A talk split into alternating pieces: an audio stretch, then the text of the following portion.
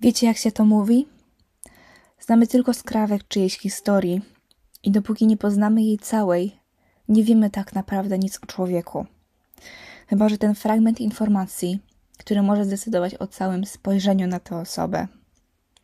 O picie usłyszałam pierwszy raz przez media, gdy zaczął chodzić z Arianą Grande. I myślę, że wiele osób właśnie w taki sposób dowiedziało się o jego istnieniu. Czy to dobre? Nie wiem. W moim przypadku bazowałam jedynie na tych pojedynczych informacjach i przez nie miałam o nim dosyć negatywne zdanie. I tak jak zaczęłam we wstępie, nie miałam pojęcia o tym, kim tak naprawdę jest Pete Davidson.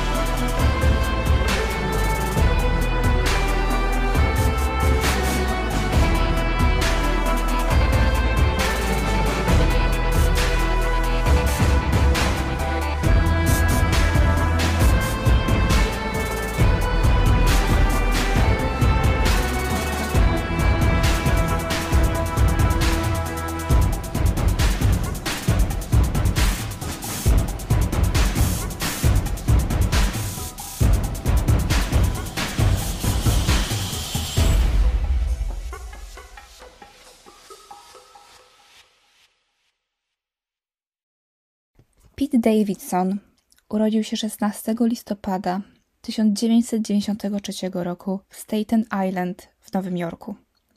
Jego mama, Amy, jest z zawodu pielęgniarką szkolną, a ojciec Scott strażakiem. 11 września 2001 roku ma miejsce tragedia, która przemienia życie Davidsonów w koszmar.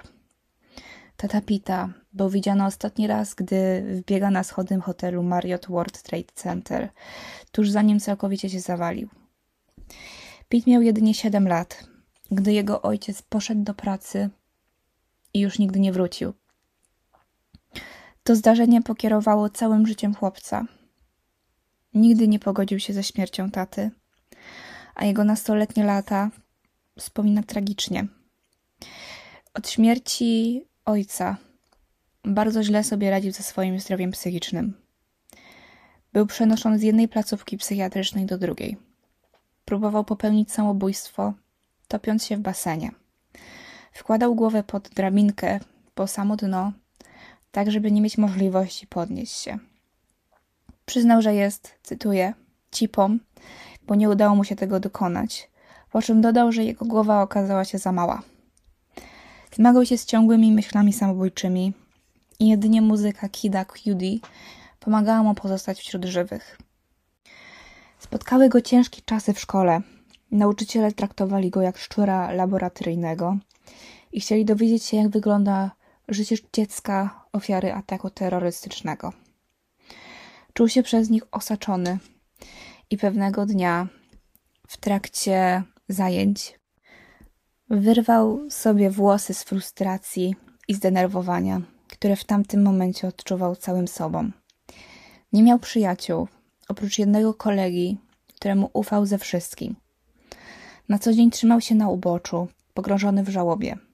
Nie miał ochoty na nawiązywanie relacji, gdyż nic nie było dla niego w tamtym okresie znaczące, a już na pewno nie szkoła. Pragnął powrotu taty – pragnął bliskości rodzica i obecności w jego życiu.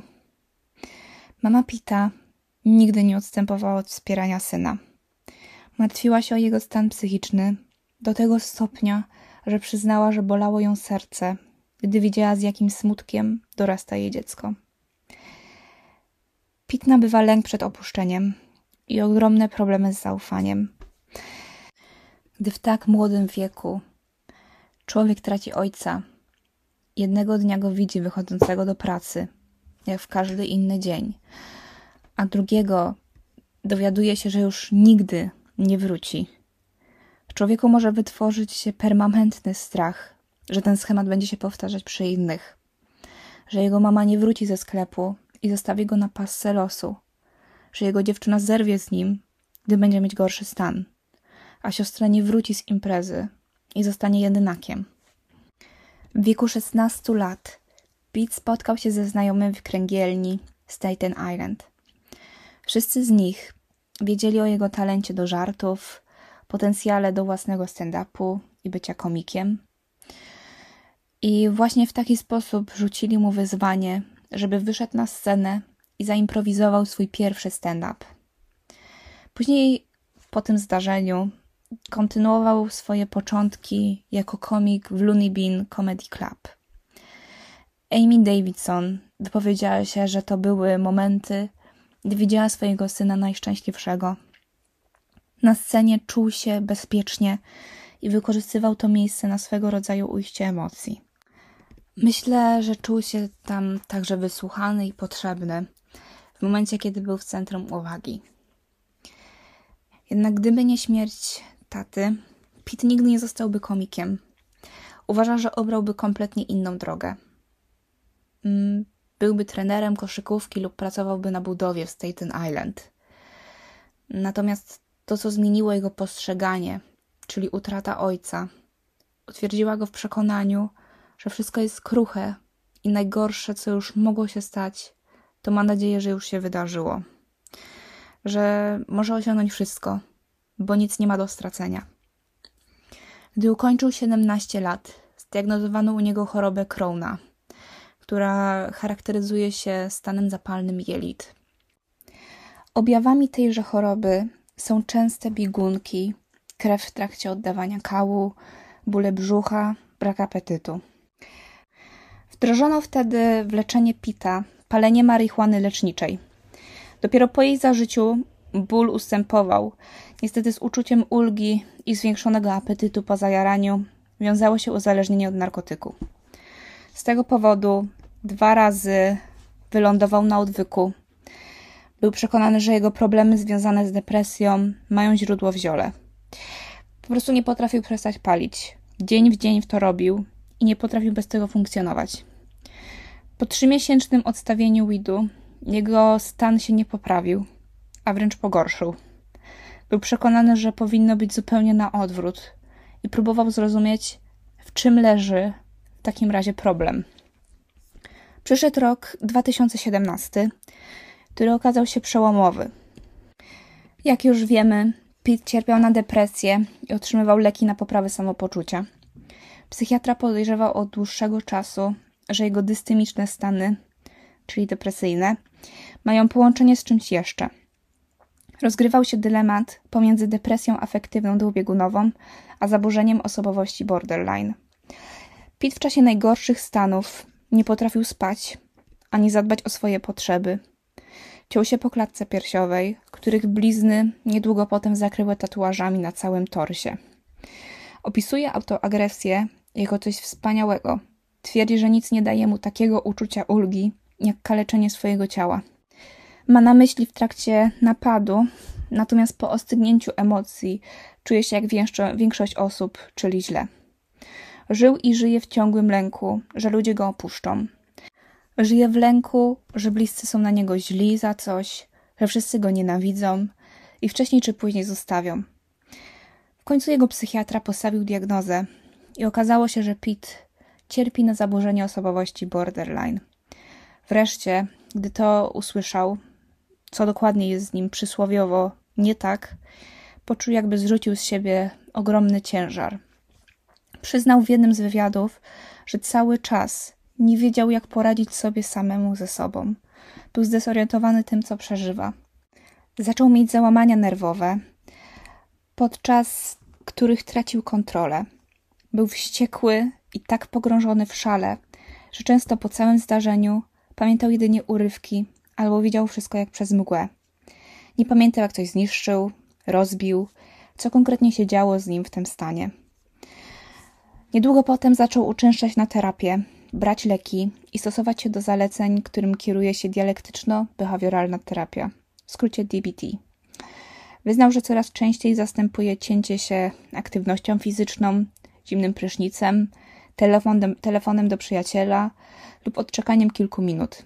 Stara się zmieniać schematy. Mimo, że nazywa wiele sposobów podanych w książkach jako z początku niezachęcające i trudnym zastosowaniu, gdy przychodzi co do czego, mówi z doświadczenia, że ostatecznie postanawia się zastosować do poleceń i załóżmy przytrzymuje kostkę lodu w buzi lub słucha bardzo głośno muzyki i wszystkie ćwiczenia pomagają i odczuwa poprawę. W maju 2018 roku Pete zaczyna się umawiać z Arianą Grande. Ich związek nabiera ogromnego tempa, uwagi fanów, wiele rozgłosu i chwilami kontrowersji. Para poznała się w trakcie Saturday Night Live, gdy Ariana występowała ze swoją nową piosenką Love Me Harder. Pete rozwijał wtedy swoją karierę w SNL od 2014 roku, co czyniło go najmłodszym członkiem ekipy w historii. W okolicach maja menadżer Ariany odwiedził Pita backstage programu, o czym dziewczyna wiedziała i z wyprzedzeniem poprosiła go, żeby przekazał chłopakowi, że mówi hej. Właśnie tak nawiązali kontakt, chociaż Pete kompletnie nie wierzył w to, że dziewczyna jest nim zainteresowana. Ten okres życia u Pita przyniósł dużo szumu i bólu. Mimo, że ich związek trwał jedynie pięć miesięcy, w tym czasie zdążyli zrobić sobie matching tatuaże i się zaręczyć. Około 19 maja Pete zapytał się Ariany, czy za niego wyjdzie. Podobno od początku związku mówili o ślubie i byli przekonani, że chcą być małżeństwem. W dniu, gdy ją poznał, Pete przyznał, że zapytał Arianę, czy chce jutro wyjść za mąż i wysłał jej kilkanaście linków z pierścionkami. Był w nieprzerwanym szoku, że dziewczyna chce z nim być i żartował wielokrotnie, że musiała się uderzyć w głowę i że jest ślepa, że chce być z kimś takim jak on. Czuł się jak szczęściarz. Zresztą Ariana także. Sama przyznała, że był jej kraszem, a ona nie miewa kraszów. Wszystko zaczęło się sypać, gdy przeciwnicy ich związku zaczęli wypisywać komentarze typu, że osoby z zaburzeniem osobowości borderline nie powinny być uwiązani w związki, że są to toksyczne znajomości i tak dalej. Bardzo oburzyło to Pita. Dotknęło ogromnie, co mnie zdecydowanie nie dziwi i szanuję, że zabrał po prostu głos. Napisał notkę na Instagramie, że to, że cierpi na zaburzenie borderline, nie czyni go kimś, kto nie może być szczęśliwy w związku.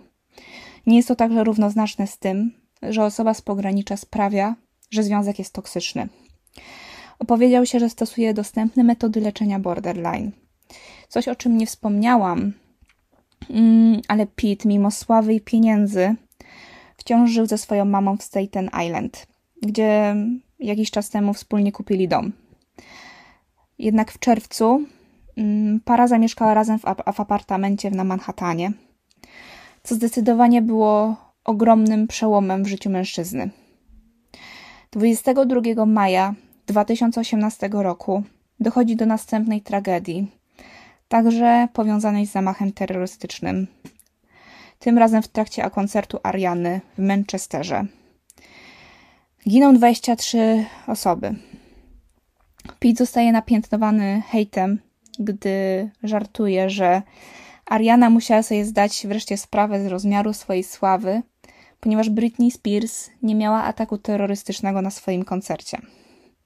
Hejt zalał, dosłownie zalał konto Pita, co bardzo odbiło się na jego zdrowiu psychicznym. Ludzie życzyli mu śmierci i zastanawiali się, jak Ariana wciąż może być z Pitem. Dziewczyna obroniła swojego narzeczonego w sieci, mimo że sama była zdegustowana nietaktownym żartem. Równią pochyłą okazał się wrzesień, gdy były chłopak Ariany Macmiller umiera od przedawkowania narkotyków. Pete był już wtedy pewny, że to koniec. Widział to po Arianie. Jak już można było zauważyć, y, Pete radził sobie z trudnymi i traumatycznymi wydarzeniami, zasłaniając, zasłaniając się żartami. Był to jego częsty mechanizm obronny, do którego jeszcze wrócę. Po zerwaniu z Arianą zażartował na scenie w Saturday Night Live yy, i zaręczył się z gościem programu Maggie Rogers. Po tej sytuacji Ariana skomentowała negatywnie jego zachowanie na Twitterze, po czym usunęła tweety. Tu na nowo rozpoczęła się nagonka na Pita, co przybrało bardzo zły obrót sprawy. Przyznał w opublikowanej na Instagramie notatce, że przez dziewięć dobrych miesięcy dzień w dzień był nękany w internecie, wyzywany i traktowany jak najgorsze zło. Jedyne co chciał zdziałać, to szerzyć świadomość na temat zdrowia psychicznego. Ludzie w internecie sprawiają, że chce się zabić, ale tego nie zrobi. I dziękuję wszystkim, którzy go od tego trzymają. 4 grudnia Ariana stawiła się za swoim byłym chłopakiem. Mimo to 15 grudnia Pete ponownie wstawił bardzo niepokojący post, w którym napisał, cytuję: Naprawdę nie chcę już żyć na tym świecie. Staram się jak mogę, by pozostać tu z wami, ale naprawdę nie wiem, ile jeszcze pociągnę, ile jestem jeszcze w stanie wytrzymać. Chciałam jedynie pomóc innym. Po prostu pamiętajcie, że to powiedziałem. Po czym usunął Instagram. Wprawiło to wszystkich w osłupienie i niepokój. Do tego stopnia, że y, pojawiła się policja u jego drzwi. Arianę tak dogłębnie to zmartwiło, że popędziła pod jego dom. Pete jej nie wpuścił do środka. Na szczęście chłopak nie ucierpiał. Ich relacja przypomina mi inne związki osób z zaburzeniem osobowości borderline, zwłaszcza tempo, w jakim się wszystko potoczyło, intensywne przyciąganie, intensywna miłość, wszystko z grubej rury. Plus poczucie odrzucenia od strony Pita, które posunęło go do napisania martwiącej notatki o chęci popełnienia samobójstwa. Chłopak ewidentnie wołał o pomoc i uwagę. I widać, że był w krytycznym stanie. W 2020 roku Pete odbył swoistą autoterapię i podpisał umowę z Universal o nakręcenie filmu w oparciu o własne doświadczenia. Film nosi tytuł The King of Staten Island. Chłopak zmierza się w nim z własnymi demonami. Otwiera go sceną próby samobójczej, a następnie porusza w nim temat ojca oraz jego utraty, objawów borderline i depresji. Ale szczerze, ten film dla mnie to o wiele, wiele więcej. Dla Pita był to sposób przerobienia własnego cierpienia, zmierzenie się z tematami, które w nim tkwią od małości. I, i to czuć. Czuć autentyczność, dzięki czemu widzę w tym filmie jego najprawdziwsze oblicze. Film, mimo że opowiada o problemach psychicznych i trudnościach chłopaka, przeplata się z humorem, czyli znaczną częścią osobowości Pita. W tym całym procesie autoterapii nie porzucił najbliższego sposobu radzenia sobie z trudnymi doświadczeniami żartem, co sprawia, że The King of Staten Island ma wyjątkowy charakter. Polecam gorąco obejrzenie filmu, jeśli chcielibyście się dowiedzieć więcej o jego życiu. Na zakończenie mm, chciałabym powiedzieć, że obecnie Pete e, wciąż zmaga się z depresją i zaburzeniem osobowości borderline. Z tego co wiadomo z wywiadów, uczęszcza dwa razy w tygodniu na terapię, bierze leki oraz bazując na DBT wdraża w życie metody radzenia sobie z zaburzeniem. Wyznał także, że niestety codziennie się budzi z ogromną depresją oraz myślami samobójczymi.